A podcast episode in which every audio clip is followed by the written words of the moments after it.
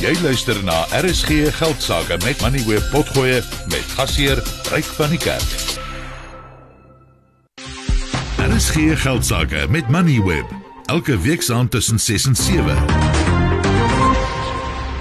Martin Prees is die tussentydse uitvoerende hoof van Goldfields en Goldfields is uh, een van die grootste goudmynmaatskappye in die wêreld en hy het in Desember die leiersels by Chris Griffith oorgeneem wat bedank het nadat die maatskappy se poging om die Kanadese myngroep Yamana oor te neem misluk het.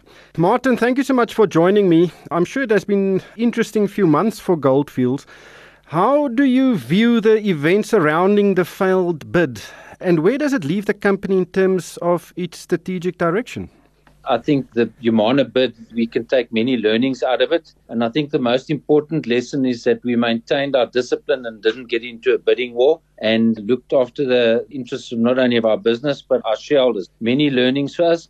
I think you would have heard during the bid that the Yamana transaction wasn't the only transaction that Goldfields was looking at at the time and the only opportunity. So learnings going forward is that we're going to continue to conduct analysis of alternatives and where there's potential M&A, they're going to be more focused on incremental growth rather than large transformational transactions going forward. So lots of learning. I think we're in a good position and the team has dusted off their knees and we're up and running again. I've read your financial results and especially the operational review. And you did say now that Yamana wasn't the only option on the table and you were looking at other bids as well. But are you currently looking to do large acquisitions? Because currently we are relatively high up on the commodities curve and the cycle. Is it the best time to do such a big deal now? We're certainly not planning on big deals, what we call transformational transactions. We're going to be looking for smaller bolt on opportunities, be them development projects, exploration opportunities, or assets that fit our portfolios. We're obviously very focused on the jurisdictions we currently operate in, but certainly at this stage, not looking at large transformational transactions. You also state that you don't see you have significant opportunities to grow organically at your current operations. Can you maybe just expand a bit on that? So if we look at our current operations, we've got the Australian operations currently doing just on a million ounces per annum. We've got Ghana that we know that we can land at about half a million ounces per annum, and then Salares, which will come on track at half a million ounces. And then uh, lastly, the South Deep with just shy of 400,000 ounces. So we steady at about 2.4 million ounces, and we obviously have some of our assets tailing off. So we've got to look at reserve replacement in Australia, which the guys have replaced reserves this year. And going forward, we're going to look for these sensible opportunities for further growth. But I think it's important to state, Drake, that we're not chasing ounces, we're chasing profitable ounces. So it's not ounces for ounces' sake. For the financial year to the end of December, your revenue rose by 2% to 4.3 billion US dollars. The profit dropped by 13% to 722 million dollars. That was the final dividend and the total dividend for the year was 745 a share. Of course, you had an excellent year before this latest financial period. But can you put that into perspective? How do you rate this performance? We're very pleased with the performance. You know, we've seen our production up 3%. Obviously, we're all well aware of the inflation headwinds that we faced during the year. The average inflation across the group at about 11%. Some of our regions a little bit more. We were protected with currency in South Africa and Australia to a limited extent. So we pleased. The gold price was marginally lower than the previous year. We've had the inflation. We've done a little bit more gold and we're pleased with this. And I think in terms of the point you made around the dividend, it's 47% of our normalized earnings, which is really a great dividend. And some of that is made up. We wanted to share some of the gains from the break fee from Yamana. So we've taken 50%, $100 million of that break fee and put that into dividends so that our shareholders can also share in that upside with us. But the market doesn't seem to agree. The share price is down over 20% over the past 30 trading days. That obviously at this stage is largely gold price driven. We watch that on an ongoing basis and we compare ourselves to the sector. I think it's just cyclical where the gold price is, and we trust that as gold price comes back, we'll see that recovery. So it is a bit of a, I don't know how you would call it, a transitionary period where Goldfields find itself in and of course it's a very very big company. You've got a market cap of over 160 billion rand. How patient do you think investors should be with Goldfields before there's really again a strong signal as to where the company is going? We're very clear where we're going. We've got a very good strategy in place building up to sort of 2.7, 2.8 million ounces per annum, you know, in the medium term. We've got the strategy in place with the three pillars. We've got a team that's working very actively on that strategy. And as much as we might be perceived as being in transition, we are working full steam ahead. I'm sure you can appreciate in the mining industry, we have busy days, so we don't have time to pause and reflect for too long. We've actually just got to get on, roll up our sleeves, and get the work done.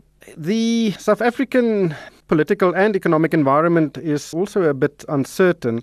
How difficult is it to do business in South Africa in this environment compared to your other international operations? I think there's ups and downs in all the jurisdictions that we operate. We're aware of the social and fiscal crisis that the Ghanaian government is going through at the moment. That's one aspect there. In Peru, we've had social unrest, fortunately, largely in the, the southern part of the country. And in South Africa, I mean, the looming issue that impacts all of us is the uh, challenges with Eskom and the reliability of power. We believe that in our investment in solar and we're looking at wind at South Deep to become less dependent on grid power is the right one. It, it gives us a level of independence. I think part of our broader strategy that in terms of climate and renewables, Goldfields doesn't want to be part of the problem. We want to be part of the solution. How long will it take before you generate your own power, especially through that very interesting wind project? Because I believe you've picked wind as a power source because you can then extract electricity 24 hours a day. We've got the 50 megawatt solar project that's already commissioned at South Deep. The wind study is underway, so we've got the towers measuring the wind, but we've also commenced with our environmental permitting process. We envisage sort of towards the back end of this year, we should be through the the hard yards of the environmental permitting. We then need to take the project to the board for approval, and we estimate a sort of 12 to 15 month lead time on wind turbines. So we're looking most probably two and a bit years before we get those wind turbines running at full speed. Have you installed your own generation capacity at any of your other international operations? Yes, Goldfields has done great work. Our Agnew mine in Australia is already 54% of their power they consume is generated by renewables, a combination of wind and solar. There's a 12 megawatt plant at Gruyere, our big open pit mine in Australia. And then this year we're doing the study work to move to renewables at our St. Ives gold mine. In Peru, the power source there is all from a hydroelectric scheme, so fully renewable. And then work is also happening at Granny Smith mine in Australia. So it's a big part of where we're going. Last year, just shy of 14% of our total electricity consumption in the group across the globe came from renewable sources. And was the electricity you received from those renewable sources cheaper than the government supplied uh, electricity? Definitely. In our view, it's a value accretive investment. We're generating a kilowatt of energy at South Deep at about 10 cents a kilowatt compared to what we take off the grid at about a rand 50 a kilowatt hour. So we're very comfortable with the business rationale of this investment into renewables. Dit was Martin Priest, die tussentydse uitvoerende hoof van Goldfields. Skalk baie interessante opmerking wat hy laaste gemaak het. Hulle kan hulle eie elektrisiteit vir 10 sent per kilowattuur opwek en as hulle dit by Eskom koop is dit rand 50. Ek dink as al die myngroepe dit doen en dit klink vir my of al die myngroepe regtig uh, belê in sonkragstelsels veral, dan gaan dit vir hulle finansiëel oor 'n hele paar jaar eintlik baie baie positief wees verseker. Soos hy gesê het jy wil deel wees van die oplossing en, en nie die probleem nie. So weet ek wil amper gaan en ek wil dit uitbrei. Nie sê net dit is nie net myne nie. Ek dink dit is oor die algemeen weet moet 'n mens kyk na ehm um, koöperatief Suid-Afrika het wat 'n mynwese is en of dit weet ander ander bedrywe is. Maar ja, dit dit is definitief nie net ehm um, weet kom sê 'n oplossing vir beerdkrag, maar soos jy sê, dit is 'n oplossing vir hierdie maatskappy om oor die langtermyn weet uh, alle alle winste op te stoot. So ja, ek baie opgewonde. Jy het geluister na RSG Geldsaake met Money where potgoe elke weeksdag om 7 na middag.